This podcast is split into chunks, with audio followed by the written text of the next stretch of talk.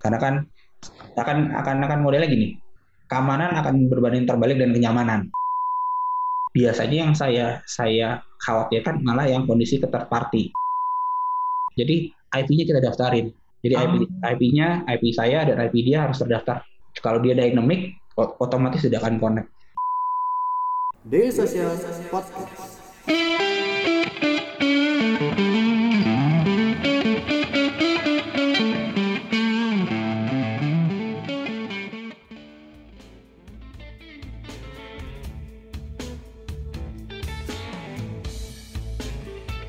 Selamat malam, kembali lagi di Selasa Startup bersama saya, moderator kesayangan kalian, Ilham Sanjaya. Sebagai moderator kita di Selasa Startup malam hari ini, dan pada malam hari ini tuh kita udah kedatangan tamu spesial, kita akan membahas tentang keamanan data nih. Jadi mungkin buat teman-teman yang eh, masih belajar atau pengen cari tahu tentang data security, ini malam yang tepat untuk kalian menonton Selasa Startup. Tapi sebelum kita melakukan pembahasan-pembahasan menarik dengan narasumber kita, Uh, mungkin malam hari ini ada teman-teman yang baru kali ini nonton Selasa Startup. Jadi Selasa Startup ini kita adakan tiap Selasanya diadakan oleh Daily Social. Daily Social merupakan media yang berfokus pada informasi dan juga opini seputar startup dan teknologi. Jadi buat buat teman-teman yang pengen cari tahu tentang startup dan teknologi boleh kunjungi terus setiap harinya website kita di dailysocial.id. Dan kita juga ingin berterima kasih kepada media partner Selasa Startup yaitu ada Blog 71 dan juga Apiari. Nah, seperti yang aku bilang tadi, teman-teman, kita hari ini akan ngomongin tentang keamanan data nih. Tema kita pada malam hari ini itu adalah Developing Consumer Data Security Strategy for Your Startup. Dan kita udah mengundang khusus nih orang yang tadi aku udah ngobrol-ngobrol sebentar, dari obrolan sebentar aja udah yakin banget kalau dia paham banget nih seputar data security ini. Kita udah mengundang Mas Andre Pratama, yang merupakan seorang acting CTO dari Uang Teman. Halo, selamat malam Mas Andre. Halo Ilham. Oke, boleh dong Mas kita kenalan dulu nih ke teman-teman Iya. uh, tentang Mas Andre dan juga tentang Uang Teman. Halo, perkenalkan nama saya Andre Pratama di Wijaya. Saya bekerja di Uang Teman as a acting CTO. Uh, saya bereksekusi security juga cukup lama dari awal bekerja sampai sekarang. Terus juga apa sih dengan itu? Apa sih uang teman itu? Uang teman itu orang orang lebih familiarnya ny- bilangnya itu adalah pinjol atau pinjaman online. Mhm. Nah, uang teman sendiri udah lahir dari tahun 2015 eh, sampai sekarang jadi salah satu pionirnya pinjaman online di Indonesia. Nah, dan uang teman salah satu dari fintech yang sudah berizin. Jadi kita mendapatkan batch kedua Mhm. eh, dalam mendapatkan izin dari OJK pada tahun 2019 kayak gitu loh. Jadi OJK baru ngeluarin izinnya kita sudah alhamdulillah mendapat izin di batch kedua jadi ya. Ya, lumayan untuk eh, menambah exposure ke customer juga dan ke investor seperti itu. Oke, nah tadi kita udah kenalan sedikit juga tentang uh, uang teman. Nah, kita hari ini uh, buat teman-teman yang mungkin mau tanya juga tentang tema kita tentang data security dan juga tentang uang teman, boleh banget uh, tanyain aja langsung pertanyaan kalian di kolom live chat YouTube kita. Dan uh, untuk mengawali uh, pembahasan kita malam hari ini nih Mas tentang uh, keamanan data. Tadi kita sebelum live juga sempat nyenggol sebentar. Aku pengen nanya eh, kalau dari eh, secara umum ya di Indonesia atau secara global sebenarnya kasus eh, keamanan data yang eh, umumnya sering terjadi terutama di kalangan startup itu yang seperti apa sih mas? Ya, nama juga startup. Startup itu kadang kita memulai tanpa memikirkan yang berat-berat dulu. Yang penting bi- business is going well, kayak gitu loh kan. Jadi kita bisnisnya kebentuk, eh, gimana cari cari profitnya, baru, baru kita mikirin security-nya. Nah, isu paling paling paling paling eh, besar di di dunia security itulah integrity. Jadi kebiasaan kebocoran data itu malah dari internal atau Hmm. uh, fraud internal fraud lah jadi kayak gitu banyak yang ya ada kasus-kasus di Indonesia lah kayak ya ada beberapa bank kebobolan nah itu juga in- isunya malah dari internal yang membocorkan Hmm. seperti itu nah juga yang ada ada kasusnya dari Siregar kan dulu tuh yang ya, lagi hot-hotnya itu juga ternyata internal juga pelakunya kayak gitu loh maksudnya ya kembali lagi ke integritinya kalau kalau saya pikir banyak tools disediain di luar sana banyak sekali ada tools ada ada code ada juga device yang tentang security tapi kalau integritinya tidak dijaga ya pasti akan kebobolan juga kayak gitu.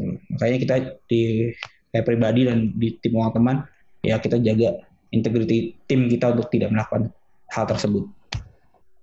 Oke, nah ngomong-ngomong tentang integriti dan juga uh, menjaga internal nih dalam men, apa mencegah kebocoran data dari internal mas. Kalau dari uang teman sendiri, ada nggak sih mas kebijakan-kebijakan tertentu atau memang sosialisasi yang dilakukan sejak awal karyawan tersebut masuk untuk uh, melakukan pencegahan terkait kebocoran data ini? Ada. Jadi kalau dari internal kami, pertama ada NDA untuk perusahaan dengan karyawannya. Kedua, karena kami sudah melakukan ISO 2001, uh, device yang kita berikan berupa laptop tidak boleh di shop lock hmm. drive. Jadi data tidak boleh dikeluar dari laptopnya. Seperti itu.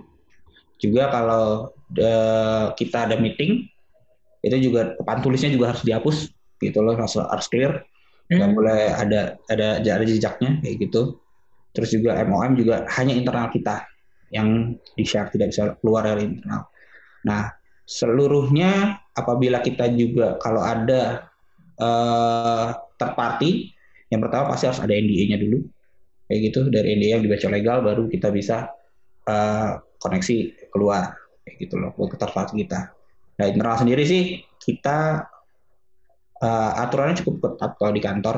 Kita tidak bisa internetan selain internet internet uh, untuk kerja. Kayak mm -hmm. YouTube itu hanya hanya beberapa bagian yang boleh kayak marketing.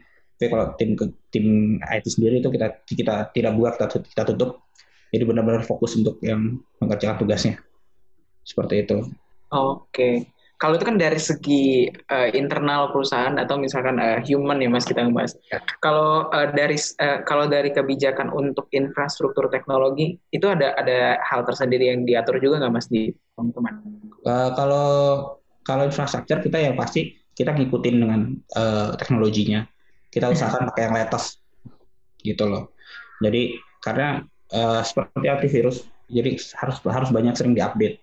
Kayak gitu. Dari internal kita juga dari uh, sisi infrastrukturnya kita sudah bikin multi service multi security layer. Jadi di setiap perpindahan data antara service A ke service B itu sudah ada sudah ada uh, uh, identitinya atau kita menggunakan token namanya. Jadi apabila tokennya tidak sama maka datanya tidak akan kirim tidak akan bisa terbaca nah di struktur datanya sendiri kita sudah kita encrypt kita hash gitu jadi otomatis di tengah jalan, insya Allah lah kalau udah begitu nggak ke nggak ke interrupt di tengah jalan kayak gitu. Dan uh, internal kita pun sudah menggunakan HTTPS yang yang notabene secara tidak langsung tidak bisa diinterrupt oleh uh, intruder kayak gitu. Jadi oh. ya infrastruktur kita cukup cukup cukup besar dan sudah multi service. Jadi modelnya kita sudah bikin microservice lah. Jadi service A ke service B sudah ada protokol yang mengatur sendiri. Dan itu wajib menggunakan token yang diauthorize oleh admin ataupun uh, admin kami gitu. Oke oke. Dek, ngobrol yuk. Ngobrolin apa bang? Ngobrolin startup bareng media sosial.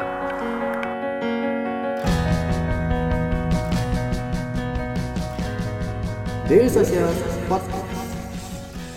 Nah, uh, kita ngomongin tentang uh, startup dan keamanan tekno uh, keamanan data dari produknya nih mas. Okay. Kalau untuk uh, suatu startup yang mungkin uh, sekarang levelnya masih awal-awal, masih early hmm. stage atau sekarang lagi menuju uh, pendanaan seed A, hmm. itu uh, apa aja sih mas yang harus diperhatikan dalam membangun suatu sistem keamanan data untuk platformnya?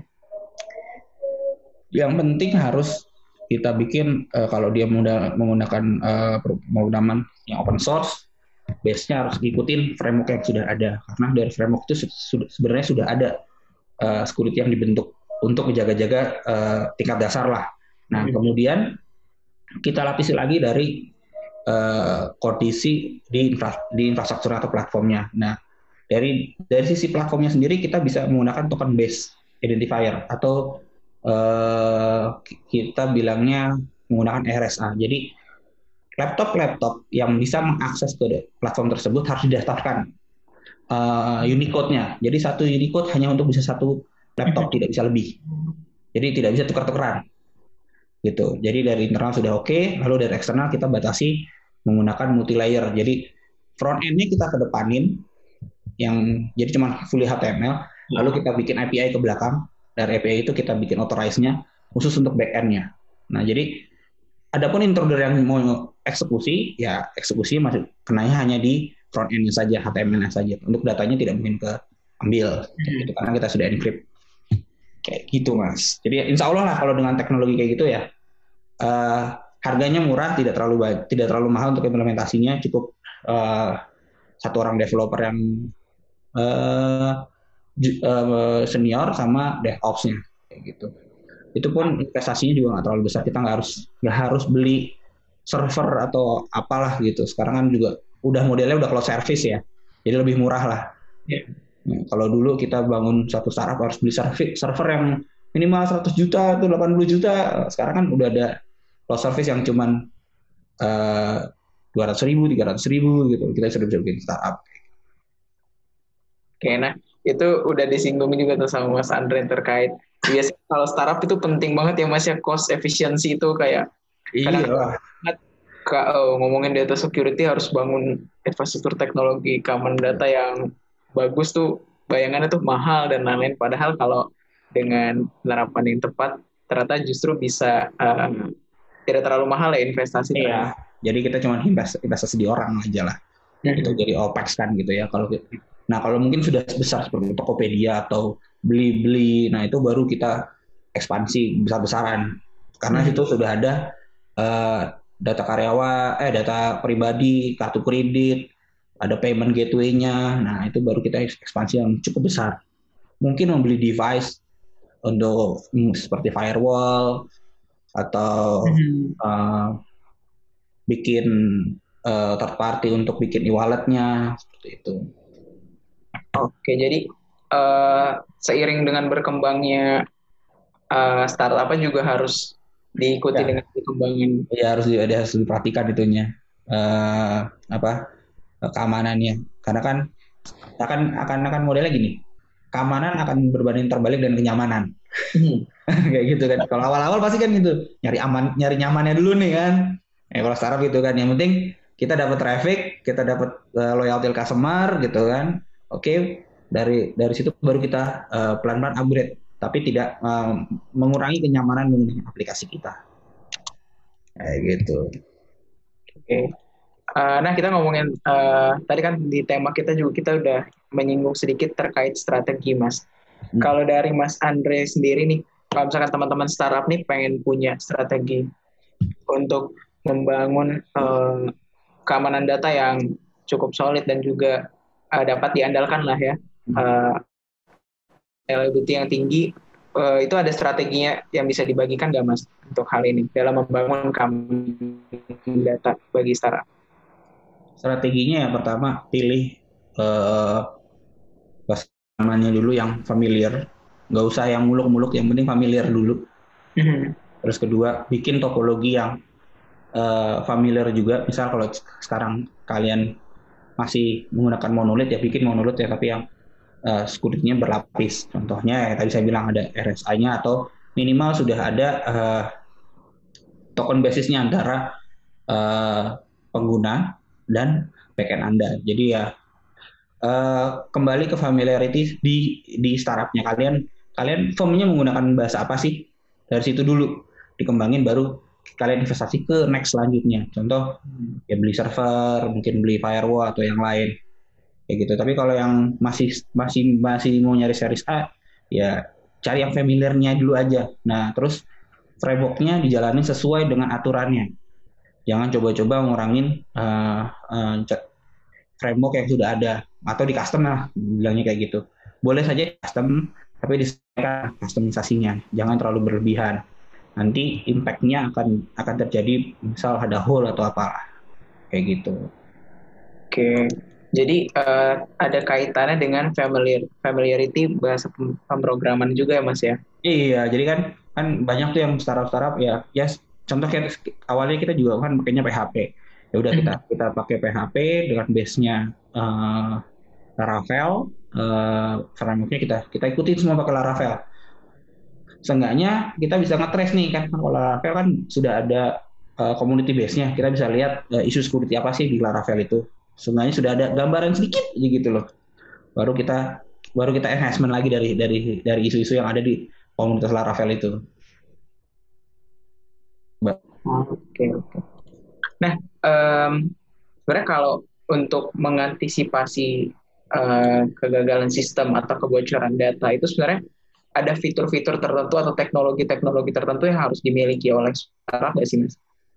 Ya pasti ada namanya early warning. Jadi kalau kita di uang teman ada something happen di uh, satu service kita, itu ada early warning. Jadi kita ada monitoring base-nya, uh, aplikasi untuk di platformnya ada juga uh, early warning-nya itu di Slack. Jadi apabila satu service-nya mati, bunyi itu di Slack-nya tuh.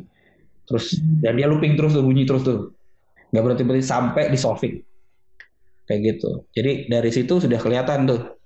Uh, wah ini gagal atau atau uh, developer saya salah build atau uh, terus uh, notify juga ke service apa aja yang impact-nya kayak gitu.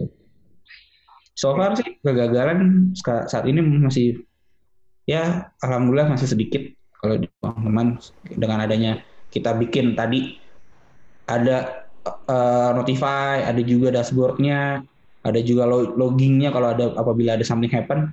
Jadi uh, secara omni developer ataupun sysadminnya juga bisa ngeceknya lebih lebih akurat lah kayak gitu. Oke. Okay. Hmm. Jangan lupa subscribe Ngobrolin Startup Daily Social Podcast di SoundCloud, Spotify, atau aplikasi podcast favorit kamu.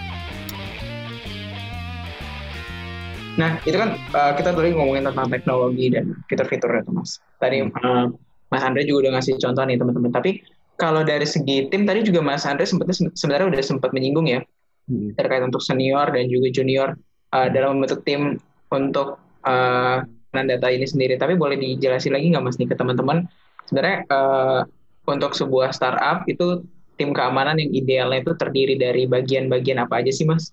Baik itu untuk startup yang kecil atau yang udah mulai udah mulai berkembang nih sampai yang uh, mungkin startup-startup yang besar yang lagi ingin memperbaiki keamanan datanya. Yang pasti ada namanya uh, IT security managementnya dulu. Dari situ kita bagi dua. Kalau kalau kalau ini ini best practice yang saya lakukan ya. Jadi hmm. orang-orang banyak banyak menggunakan uh, uh, skema yang yang mana pun. Tapi kalau ini yang saya guna, yang saya pahami dan saya gunakan pertama pasti ada IT security-nya itu di platform dan ada di uh, code-nya dibuat yang review code anak-anak. Nah, di platform sendiri itu untuk menutup misal ada port-port yang portnya nggak buka, tapi kenapa dibuka? Nah, orang ini yang bertanggung jawab untuk melihat keseluruhan port yang ada di uh, platform kami. Simpelnya gitu. Terus juga kita ada namanya compliance IT security and compliance dan di situ di samping kita menjalani security sistem pada umumnya untuk menjaga yang lain, kita juga menjalankan compliance dari ISO 27001 yang tadi ya, nggak boleh ada uh, eh, USB dicolok, terus uh, nggak boleh ada uh, koneksi keluar tanpa permit kayak gitu loh. Port hanya dibuka sesuai dengan kebutuhannya, tidak bisa asal sembarang dibuka kayak gitu. Nah, dari dari sisi uh, security sendiri sih ada. Kalau yang dari luar tuh ada yang model tim A eh tim A tim merah sama tim biru red team sama blue team. Oh iya iya. Ini pernah denger nih aku mas. Boleh dijelasin nggak nih mas gitu. terkait hal ini? Kalau red team sendiri kalau menurut itu ada yang ngebahas tentang fully dia kayak fully kayak uh, solution architect dia bikinin semua skema-skemanya skema-skema untuk engineeringnya, code-nya harus begini, yang keluarin datanya kayak gini, API-nya harus, harus kayak gini. Dan dia modelnya strict. Gitu. Ada yang juga pakai blue team, yaitu mm -hmm. uh, modelnya dia menggunakan uh, infrastrukturnya sama tadi porting semua di semua di close, tidak boleh ada data keluar dari port yang lain, terus uh, menggunakan VPN yang diatur sama dia kayak gitu. Jadi kalau itu kalau yang sudah besar, tapi kalau yang masih startup masih series A ya coba ngikutin aja dulu uh, dimaksimalkan dulu dari pemrogramannya dari framework yang sudah ada ataupun kalau coba bikin coba bikin atau coba implement itu bisa menggunakan fiturnya Google juga cukup menurut saya cukup uh, bagus dan harganya juga terlalu mahal untuk implementnya. Gitu. Apabila teman-teman menggunakan uh, GCP ya, kayak gitu itu bisa Hmm. menggunakan stack driver. Oke. Nah kalau uh, kita udah bahas tentang uh, tim ini, uh, aku pengen bahas tentang uang teman. Kalau di uang teman, gimana uh, Mas Andre dan tim ya itu melakukan tadi kan kita udah ngomongin tentang persiapannya nih membentuk infrastruktur untuk men- mencegah keamanan datanya. Nah, kalau misalkan uh, uh, untuk pengujiannya sendiri gimana Mas? Pengujian keamanan dari produk-produk uang teman apa aja sih yang dia dan mungkin bisa dibagikan ke teman-teman startup? Jadi uh, sebelum kita rilis suatu produk, pasti kita ada namanya uh, skenario testing. Jadi ada yang positif, ada yang negatif. Itu dilihat dulu nih. Positif case-nya jalanin, biar ketahuan, jalan dulu. Baru kita bikin negatif case-nya. Dari situ kelihatan tuh, wah ini error, ini ada apa. Baru kita yang ketiga melakukan penetrasi test di di dalam aplikasinya. Nah dari situ juga kelihatan ada bug ada, atau ada apa. Jadi kalau dari QA saya sudah lolos tiga tiga step itu, baru kita naikin ke production, kayak gitu. Dan juga di setiap uh, tahun biasanya kita ada adain namanya uh, audit ISO 27001. Nah di situ juga kita melakukan full tutu untuk penetration test dari staging sampai production. Jadi seluruh seluruh seluruh aplikasi berikut sama infrastruktur kita penetration test lagi untuk lihat ada kebocoran lagi nggak di situ. Kayak gitu. Jadi regularly kita kita lakukan. Di samping di internal kami juga nama ada namanya uh, audit uh, IT yang di mana uh, tim tim internal audit kami yang juga melakukan penetracing di luar tim saya. Hmm. Ya, dia itu tim independen, tim independen di luar engineering yang tugasnya ngulitin saya sama tim. Kayak gitu loh. Oh, ini ada salah, ada salah, ada salah kayak gitu. Iya, Tanpa tanpa saya kasih tahu sebelumnya gitu loh. Kayak gitu. Uh, tapi kalau misalkan uh, untuk menjaga itu juga Mas, apakah ada semacam maintenance yang dilakukan yang secara reguler dilakukan dan untuk memperbaiki?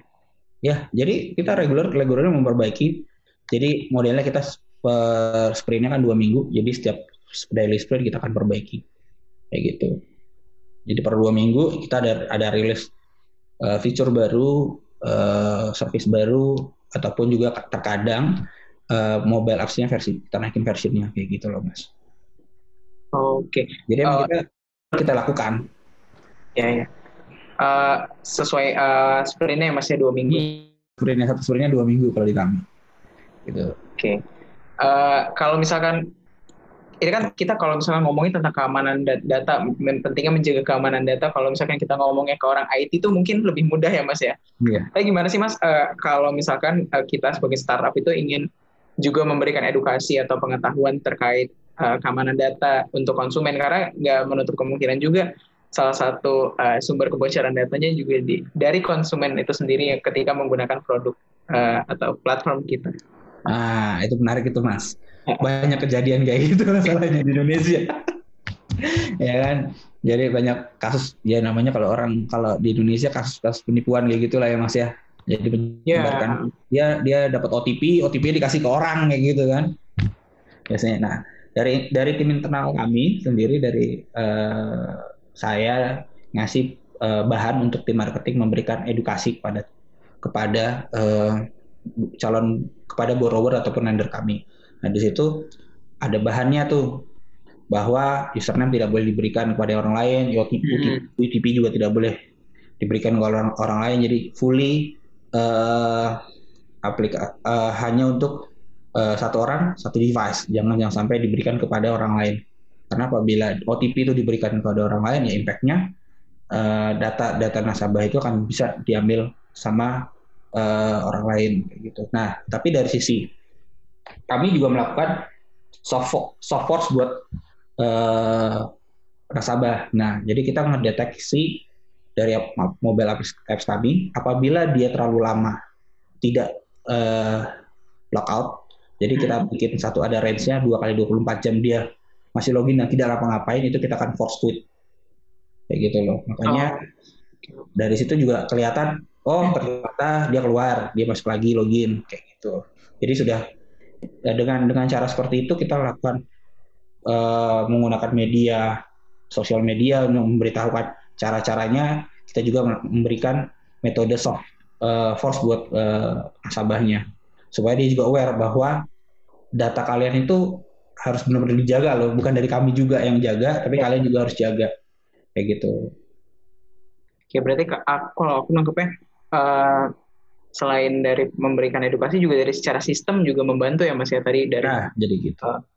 itu boleh diceritain nggak Mas awalnya tuh journey-nya gimana? Eh, kalau kita ngebahas tentang customer journey itu ada perannya juga nggak sih Mas ketika untuk tim IT dalam melihat oh ini ada kemungkinan bocor datanya tuh di part customer journey yang ini. Iya pasti. Jadi kita bikin dulu customer journey sebelum sebelum kita develop sesuatu kita akan ada namanya customer journey dulu bikin flow-nya. Nah dari situ baru kita bahas mungkin nggak sih dari step ini ada kebocoran, step ini ada kebocoran atau step ini ada kebocoran. Nah, nah dari dari dari step-step itu biasanya yang saya saya khawatirkan malah yang kondisi third party. Makanya saya agak sedikit strict dengan third party datanya harus benar-benar fully di encrypt baru Oh. dilempar ke sana kayak gitu kan kayak kayak kayak kayak kami sendiri kan kita juga kan nggak mungkin eh, hidup sendiri kan pasti ada third party-nya. Contoh Iya. kayak buat buat buat repayment buat disburse itu kan menggunakan bank. Kita nggak boleh disburse langsung kayak gitu kan. Dari dari dari kondisi-kondisi itulah yang kita bikin wah ini sudah harus ada SOP-nya dan harus sudah ada eh, apa ya perhatian khusus. Karena data data-data ini kita kirimkan keluar dan makanya kita datanya itu kita kita encrypt.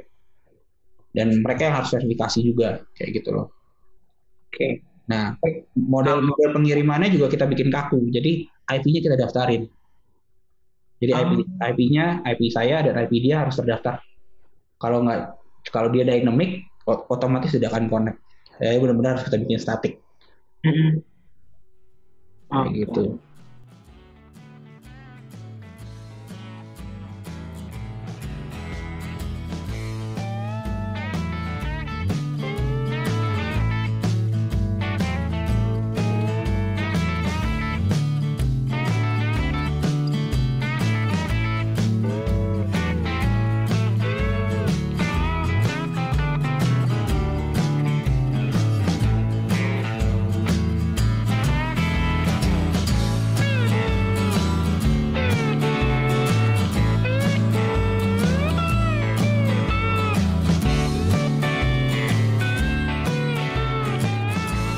Keep in touch bersama kita di dailysocial.id untuk website kita.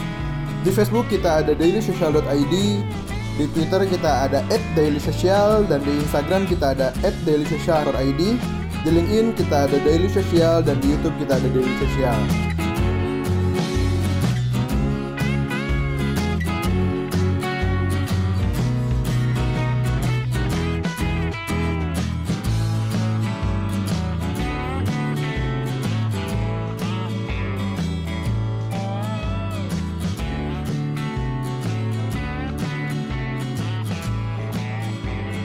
Daily Social Podcast.